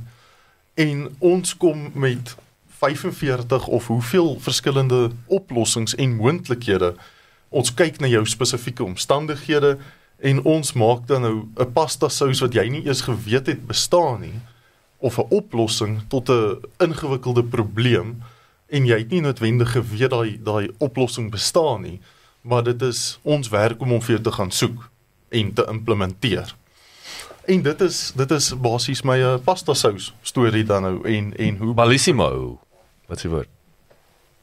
bon appetit. Bon appetit. Dis moer moer awesome in Italiaans. Maar ek dink dis waar die verpersoonliking kom, nee, nee Ernest, is um jy weet nie waarvan jy hou wat jy soek nie. Maar kom ek gee jou exposure. Kom ek gee jou 45 proesels Mm. sodat jy proe wat is lekker, nê. Nee. Yes, wees. En en, en ek eh, wat was Henry Ford wat gesê het as ek vir mense vra wat wil julle hê? Dan gaan hulle sê 'n vinniger perd. Ehm um, hulle hulle kon nie 'n kar in hulle koppe geimagine het nie. Ehm um, Ja, kyk en Henry Ford het uh, hy het ook gesê jy kan die kar kry in enige kleur wat jy wil hê solank dit net swart is. Ja. Hmm. So so ons is bereid om hom vir jou ehm um, bietjie te customize, die die oplossings en en verskillende kleure en geure daarin te sit. So in elk geval ehm um, dit is sommer dan nou net so so vinnig ligtelik wat hoe ons dinge benader. So boervin uh het te doen met enige basies enige finansiële dienste. Uh ons ons het 'n makelaary, so ons doen alle forme van versekerings van jou selfoon tot 'n oes. Ons ons doen beleggings. Beleggings is my gunsteling afdeling van die hele uh dit is my spesialiteit gedeelte. En weer eens daar kyk ek altyd na alternatiewe maniere. Daai 45 pasta souse probeer ek daarso in te werk. As ek sommer 'n voorbeeld kan noem, daar's nou al die tradisionele maniere van beleggings wat, wat ons van weet, jou gewone anniteit of 'n uh, tax-free saving of, of wat by die bank 'n paar rand in 'n 32 day notice sit, maar ons ons gaan soek weer ander goedjies soos uh, byvoorbeeld het ons toegang tot 'n belegging waar jy in beeste kan belê ek ek is self 'n uh, groot voorstander van eiendombeleggings. Ek sê nou eendag vra iemand vir my hoekom eiendom dis so risky en al die goeie. So dit is een van daai goed as jy weet hoe om dit te doen. Daar's 'n paar reëls wat nagekom moet word, maar as jy weet hoe om dit te doen, is dit is dit nie 'n risky belegging nie. En ehm um, mense, ek het nou eendag lees ek 'n artikel, mense betaal 30% van hulle salaris aan huur. So as ek uh, hulle sê altyd jy moet 15% van jou salaris wegsit vir aftrede. Ek het doen beter as dit. Ek het 3 of 4 of 5 verskillende mense wat 30% van hulle inkomste wegsit vir my aftrede. En dis 'n interessante perspektief, né? Nee? Ehm um, so so uh, wil, uh, ek hou baie van eiendombeleggings. Ek het, En jou huurders. Ja, Ja, baie van hulle. ek hou van hulle ook. Ek uh, sal hulle op die hande dra want ehm um, hulle hulle maak seker dat ek 'n goeie goue jare sal hê. Ek het ook so Jacques, hoe lank terug 2019 dink ek, net voor Covid het, het ek Gogga. 'n 3 3 episode podcast gedoen MBA in eiendomsbelegging waar ek bietjie meer op die op die eiendomsbelegging uitgebrei het. En uh, ja, dit is dit is min of meer boervin in 'n in 'n neutedop. Uh, baie mense vra vir my ook waarom Afrikaans? Die antwoord daarvoor is baie eenvoudig. As mense my sien golf speel of hoor Engels praat, neem hulle my nie ernstig op nie. So So, so ek het besluit as 'n as 'n entrepreneur kan ek my lewenstyl self ontwerp en ek hou toevallig van vellies en kortbroeke en Afrikaans praat. So so boervin het 'n 'n boervin is nie 'n visboerdery nie. dit is dit is 'n 'n finansiële dienste maatskappy vir boere en Afrikaanse besigheidseienaars. Dit is waar ons hoof fokus is. Ons sal geen mense wegwys nie. Ons doen besigheid met enige persoon, 'n individu, 'n professionele persoon. Jy hoef nie Afrikaans te wees nie, maar ons kan die meeste waarde toevoeg vir 'n Afrikaanse besigheidseienaar. So julle is nie net gefokus op iemand wat in aktiewe landbou eh, werk, iemand met 'n stuk grond en wat groente plant of beeste slag of iets is nie beperk tot dit. Nee, nee, glad nie, glad nie. So so uh, meeste boere is maar uh, SMEs. So so ehm um, ons value proposition is is heeltemal geontwerp vir daai boer, maar dit wat ons vir 'n boer doen is absoluut net so van toepassing op 'n ander besigheid, want tog is dit 'n boerdery is 'n besigheid. So so ons value proposition is nie vir boere nie, dis vir besigheidseienaars hoofsaaklik. Hoe hoe dinge verander, jy weet as ons nou praat van die pasta souse en en en, en so aan. En 45 opsies. Hier is die die million dollar question. Wat maak julle anders? Jy weet, wat bring julle anders na die tafel toe? Natuurlik Afrikaans belangrik, maar ek wil sê daar's baie ons wat Afrikaanse kaarte speel Mm. wat eerder nie moet nie. Ehm um, en aan die ander kant is dit weer ja, okay, ouens bring verskillende ware proposisies, but what's in it for me to do business with you? Ag ek's 'n awesome ou. Dit is uh, Al jou my- ek het ek het jou ma se e-mail gekry. So. ja, my my ma, my ma sou sal saam met my daar stem. My vrou nie altyd nie. Wat wat ek dink as ek nou is is nou moeilik om van die kant van die tafel af te sê hoekom ek. Maar um, ek dink ons ons is fokus baie op die kliënt en en die behoeftes van die kliënt. Ons het begin net as versekering maar ons het vinnig gesien dat die- behoefte daar buite is anders, die behoefte is meer. Die landbank het 'n groot gaping gelos wat wat nie meer regtig aktief is soos wat hulle al was by die boere nie. So ons het gaan planne maak om te kyk hoe kan ons die boere en en besigheidseienaars help met finansiering en ons het finansiering deel van ons besigheid gemaak. Ons ons probeer regtig help daar daar waar dit die hulp nodig is. Ons het 'n totaal en al omtrent 'n one-stop finansiële shop. Ons ons het gesien die oom op die dorp is nie altyd so ingelig mee nie. Ehm um, so so die oom van van die groen ver, versekeringsmaatskappy wat nou al vir Klim op old. ja, ja, kyk Ehm um, wat wat nou al vir al die jare nog die finansiële besluite beïnvloed is nie meer so ingelig nie. So so ons is hier in Pretoria gebaseer, maar maar ons uh diens ons kliënte landwyd ehm um, met 'n met 'n hoë kwaliteit diens. Ernest, wat sê jy sê kom ek gebruik myself as 'n voorbeeld. Sê ek kyk nou YouTube en hier kom 'n advertensie op en hier's iemand wat my gaan leer om aanlyn my eie beleggings te bestuur. Sê ek gaan leer om in currency te trade en uh, Bitcoin en jy weet op 'n uh, internasionale effektebeurs. Nou wat wat sê jou advies vir my wees as ek sê ek gaan nie nou na jou toe kom nie. Ek gaan dit ek gaan hierdie kursus klaarmaak gaan my 'n paar rand kos maar dan doen ek dit self en ek hoef nie daarvoor te betaal nie en ek kan sien wat met my beleggings gebeur. Wat sê jy vir my? Wel ons ons moet ook erken en eerlik met mekaar wees dat dit raak makliker vir mense om om actually hulle belegging self te te hanteer. Daar daar is daar's goeie goeders daarin. Ek dink dit is baie baie goed om die die krag terug in jou in jou kliënte se hande te sit. So daar is platforms wat dit actually makliker maak. Dis nou nie Bitcoin tipe goed waarvan ek nou praat nie of of currency uh uh um trading nie.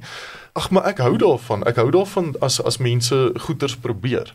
Um ek self het al 'n forex kursus gedoen om te sien hoe dit is en en te kyk of kan ek self trade. Ek kan nie.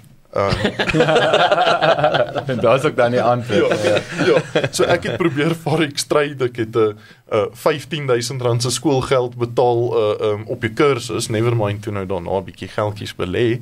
Maar Maar- jy wat nou in die finansiële bedryf is, ek eh, ek het al soveel stories gehoor. Is ek wil die vraag vra, is daar is daar iemand wat kan met forex trade of is dit of is dit uh, ek ek wil sê nie digitale is dit daai snakes will sales people? Is dit dalk is dit 'n foefie? Ek ek weet nie dit ek dink baie van die bemarkers daar buite wat forex pakkette verkoop is baie ryk oor dat hulle forex pakkette verkoop. Mm. Ja, ek um, praat presies soos soos MLM skemas, weet jy, die die geld lê in die verkoop van die persone en die wat som en nie die actual produk nie. So dis hoekom ek ook gewonder het oor die forex ding. Dit gaan oor Ek- die kursus en die mense wat dit Ek ken ek ken 'n toevallig ou wat 'n forex trader is. En en is baie interessant en dit is 'n kliënt van my eintlik, die een boetie. En hy het vir my eendag gewys wat hy onder andere doen. Is is vir my baie interessant geweest is hy het hierdie sy sy uitdaging is hoe hoe meer boere kan hy kry wat wat hom vertrou natuurlik. Maar hy stuur 'n verslag elke hy WhatsApp 'n verslag uit. Elke dag. So hy gaan vat die mark uh, analise, hy interpreteer dit en hy sê vir die kliënt, dis wat aan die gebeur is. Hiersoos wat ek dink. Dis wat ons al gesê het ook met finansiële beplanning. Jy weet wat's missing in terme van tradisionele boekhouding. Jou rekenmeester gee vir jou jou state, nou wat nou? Hy daag net op om dat jy die blyde goed kan teken versus mm -hmm. Elke maand hier's vir jou opsomming. Hier's jou 5 of 6 key, soos ek sê die traffic light, hier's groen lig, rooi lig. Dis wat in jou besigheid aangaan en ek is 'n professional. Ek sê ek sien hierdie goed en ek stel voor kyk na hierdie drie areas vir die volgende 2 of 3 maande byvoorbeeld. So ek wil vir jou sê daar is waarde daaraan, maar ek hoor wat jy sê, maar nee, daar daar is ernstig ouens daar buite en dis die ding, hulle help hulle kliënte om om beter besluite te. Maar maar weer eens daai daai ou is nie 'n uh, 'n konstruksie en dan lunchtyd dan trade hy gou forex nie. Absoluut. Hy is 'n 'n professionele persoon dan nou. En hierdie ou Dit is ook 'n boerseun. Ja. Ja. So dit help. as jy as jy weer eens do as I do, don't don't do as I say. Nee. Ehm um, so so ja, daar's definitief geld te maak in in forex nou dat ons daar daarop vinnig so 'n bietjie hamer, maar maar ek het besluit ek het dit probeer gekyk hoe dit werk. Ehm um, dit is dit is nie vir my nie. Ek hou van goeders van beleggings wat ek ook verstaan. En 'n ding soos eiendom, ek kan dit verstaan. Ek verstaan nie Bitcoin nie. Konsep maak nie vir my sin nie. Vir ander mense maak dit dalk sin en dan kan jy dalk bietjie daarna kyk as 'n as 'n ek ek weet nou nie wat die mooi woord daarvan is nie, maar met daai bietjie FU Spekulasie. money. Is spekulasie ge- is is is Daai is- geldjie wat jy nie worry om te verloor nie, sit sit hom daarin. Maar jou regte langtermynbelegging, ek weet nie, ek is al versigtig wees. Maar is die fondasie dan nie ehm um, Ernest om te sê waar ook al jy in belê maak nie saak nie is gaan weet dan kan jy self dit ook doen. Gaan doen die vat die tyd in die ondersoek en verstaan waarin jy belê. Mm. Ek dink dis dis die, dis die fondasie. Dit Maak nie saak of dit forex, bitcoin, eiendom, want want selfs eiendom, weet ek was self in die eiendomsbedryf, ek het eiendomsagentskap gehad. En ehm um, weet jy het nou vir gemaklik sê ja wel, ek het 5 mense, ek het 5 eiendom en 5 mense wat 30% van hulle inkomste gee. Ja, dis die bemarkingstorie, dis die oulike storie, maar daar kom baie ehm um, details saam, daar kom moeilike huurders, daar kom ek wil vir die reg daar die regte kontrak in plek. Daar, daar is daar's goeders wat jy moet doen om dit aktief te bestuur ten einde 'n goeie belegging te wees. Want ek het baie slegte beleggings met eiendom ook gemaak. Mm. En ek dink ek kan daai miskien daai lyn deur deurtrek deur alle beleggings is spandeer die tyd om te verstaan. En dan dan, dan kan dan kan ek en jy 'n beter gesprek hê as my finansiële ek dink mense sit altyd die die die krag in die finansiële beplanner se hande alleen en sê hier's my geldjie maak met dit en ek dink dit moet 'n meer van 'n vennootskap wees. Absoluut. Ek stem 100% met jou saam dan. Ek dink dit is baie nodig om soos dit nou sê selfs al gee jy jou geld vir vir jou adviseur of jou makelaar wie ook al en jou geld word belê vir oor 30 jaar van nou af. Dis nog steeds nodig dat jy moet verstaan waar is daai geld belê en waarom gaan dit groei? Is dit 'n uh, is dit in, in wat is dit belê? Ek meen jy kry baie bateklasse en in watter bateklasse is jou geld belê en en is dit belê vir die langtermyn? Byvoorbeeld 'n ding wat ek baie klem op, op sit is hoeveel van jou geld wat belê is is in Suid-Afrika belê en hoeveel van dit is internasionaal belê? Het jy internasionale blootstelling in jou portefeulje want uh, ons Suid-Afrikaanse mark is omtrent 0.5% van die globale ekonomie. So as al jou geld net in Suid-Afrika belê is, het jy maar net blootstelling tot 0.5% van die groeiende bates daar buite. En is dit die beste 0.5 in die wêreld? Ek twyfel. So so mens moet natuurlik kyk dat jy internasionale blootstelling het. Private equity, ek weet nie wat is die mooi woord Afrikaanse woord want privaat aandele privaat aandele, miskien ek weet nie, maar dit klink net nie reg nie. Uh, ek dink meer mense weet wat wat private equity is. Is ehm um, jy mag van jou aftreegeld mag in private equity beleggings wees. So basies wat private Is dit daai equity is section 12J venture capital? Uh, nee nee nee. So reg regulation 28 is wat sê waarin mag jou aftreegeld belê word en waarin nie.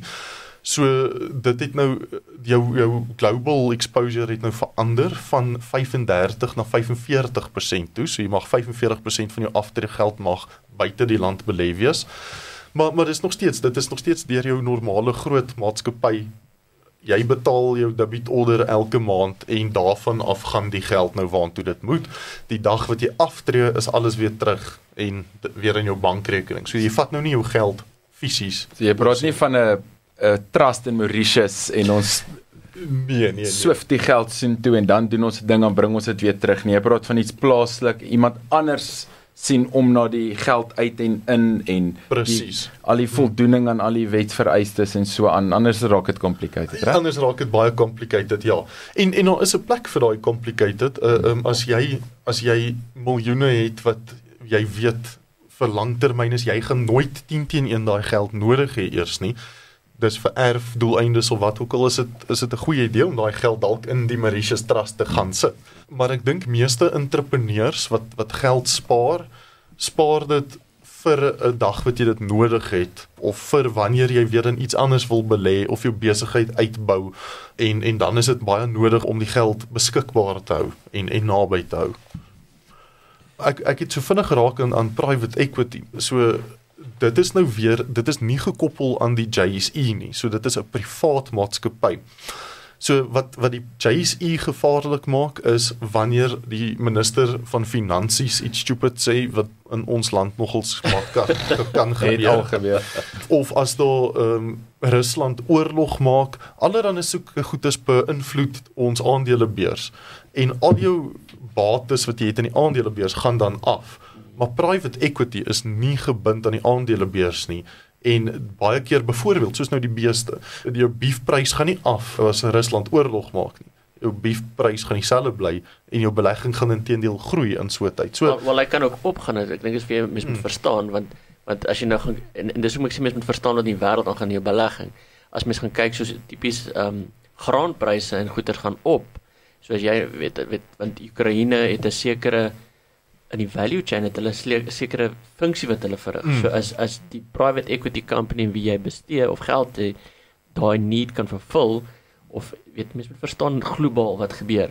En ek dink en dis hoekom ek dink as jy praat van private equity, dis nie so so uh, volatile wat jy volatile jy- wisselvallig. wisselvallig nie, mm, maar weer eens ehm um, verstaan wat doen wat is die unique selling proposition van die company of die die private equity waar jou geld is sodat jy kan verstaan om dit te skuif ook as daar dalk 'n Oekraïne Rusland ding is want die hoofding is petrol of olie en dit die prys gaan so opgaan so weet mens moet mens moet ek weer eens ek dink mens moet verstaan. Ja, ek dink ek koop 'n bietjie in die mense in. Is dit is dit nie die geval nie waar in die JSE sal jy net in 'n nommer inkoop of die top 50 of so iets waar met private equity is dit weer maar ek ek ken ek ken nie ek ken die bestuurspan. Ek yes. verstaan wat hulle kan Hmm. doen ek weet daar- daar's bietjie meer van 'n intimiteit ek weet nie dit dit is dis heeltemal die geval. En en jy moet die persoon wat jou adviseer daarop ook ook vertrou. Ehm um, dit dit moet iemand wees wat jy wat jy weet jy 'n pad mee kan stap. Dit was nou min of meer die die beleggingsgedeelte. 'n Ander aspek waarop ons ook baie waarde toevoeg vir ons kliënte en en ek dink ek sal definitief in die toekoms baie hierop fokus is dan succession planning. Uh, opvolgerbeplanning dink ek is die is die woord daarvoor. Ehm um, want dit is 'n groot leemte op hierdie stadium veral as ek kyk na die boere en besigheidseienaars is wat gebeur met daai besigheid wanneer jy nie meer daar is nie? As as die bus jou môre trap wie kry die besigheid? Ehm um, as jy 'n vernoot het gaan gaan jou vrou die aandele uh, ehm um, erf en ewe skielik in jou besigheid ingaan of gaan die vernoot die aandele uitkoop daai daai tipe moeilike gesprekke wat die harde vrae wat ons vra om seker te maak as jy klaar besigheid met ons gedoen en dat jy weet wat gaan gebeur in die worst case scenario. Ek dink so vinnig oor die beleggings wat ons oor gepraat het, uh, moet ek net vinnig daai disclaimertjie sê, hierdie was nie enige finansiële advies nie. Ehm um, hier is bloot vir interessantheid gewees. En en dit is dit is my storie. Ek wil net aan 'n laaste punt daaraan hak is my opvallend is veral wanneer mense shareholders agreements opstel en mense is nou okay ons wil nou vorm en rigting en struktuur gee aan hierdie samewerking tussen ons dan dikwels jy weet hoewel kom ek stel liewer so dat dit gebeur nie elke dag dat die opdrag insluit hoe eindig hierdie ding nie? Dis meer om dit in stand te hou dis dikwels die uitkyk ek veralgemeen maar ek, ek bedoel om die veralgemening te beklemtoon dat dit is dis meer sinvol om te begin met die einde in gedagte. Mm. En wanneer jy 'n besigheid ook begin, moenie net praat van o, ons gaan soveel geld maak en ons gaan o, ons gaan hierdie doen en dan daai doen en so nie. Meer, okay, kom ons plot die 5 of 10 'n moontlikhede, waarskynlikste moontlikhede uit van hoe hierdie ding gaan eindig. En ons maak seker ons het daarmee vrede gemaak. En ek wou amper sê as jy van daar af kan terugwerk, is baie keer meer sinvol, jy weet, as wat jy net 'n uh, ingaan en jou bes doen en ja, Absoluut. nou met belegging ook so, nê? Nee, jy wil Presies, met, met met, met opvolgbeplanning. Hoe kom Mm. ons hier uit? Wat help dit my dogter erf 'n plaas met 'n boerdery as 'n besigheid wat Mm. sy eintlik niks meer kan doen nie. Ons moet daai plaas verkoop, ons moet die besigheid oordra terwyl hy nog waarde het ensovoorts, reg? Yes, absoluut. En en met beleggings presies, dit is mense vra baie keer waarin moet ek belê? Wel, waarom wil jy belê? Mm. Dit is Ja, dit is- is Nie om dit om dit op die radio gehoor het nie. ja. En ek wil daar sê wrap it up. Ek dink soos jy nou gesê het, ons gaan hierdie nou uitpak oor die volgende paar weke en is vir my weer eens interessant hoe die finansiële beplanning hoe nou dit saam gaan eintlik, nê? Nee? Veronderstel met regsaspekte. En daai beplanning gaan in 'n stukkie papiere, nê. So dis my dis 'n ding wat nagelaat word. So ons sien uit om dit 'n bietjie te unpack en natuurlik veral ook die eienoms die verskillende beleggingsgeleenthede wat nie met groen en blou ouens te doen het en wat se ander Absoluut. kleur kleurblind, so ek weet nie wat is hulle regte kleure nie. Gele. Kille. Natuurlik. Hoorie so, dankie dat jy geluister het. So ouens, dankie vir jou tyd. Ons uh natuurlik ons eerste program, ehm um, soos die Engelsman sê, bear with us. Ek dink uh ons gaan ons ons gaan ons skouers gaan sterker word. Ons gaan ons tande slyp. Uh was lekker geweest. Ek ek sien uit om met julle hierdie hierdie pad uh te tackle en uh ek sê hierso is tot internet wat is die woord? Dominant. onder onder onder on, on, on. Amen. Amen. Julle moet 'n heerlike naweek hê en uh julle moet 'n heerlike week hê en ons sien uit om weer met julle te gesels uh volgende Vrydag 6uur. Adios amigos. Was hy lekker julle? Goed gaan. Happy Friday.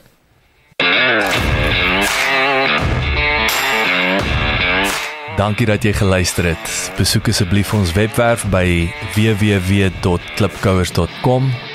Teken sommer in sodat ons jou op hoogte kan hou. Baie belangrik gaan luister na ons ander potgooi reeks en episodes op Spotify, Apple Podcasts of YouTube. Baie belangrik as jy hou van wat jy hoor, los asseblief 'n resensie sodat ander lekker mense soos jy van ons episode te hore kan kom en kom volg ons op sosiale media. Gesoek net vir Klipkouers op Facebook, Instagram, Twitter, TikTok en natuurlik LinkedIn.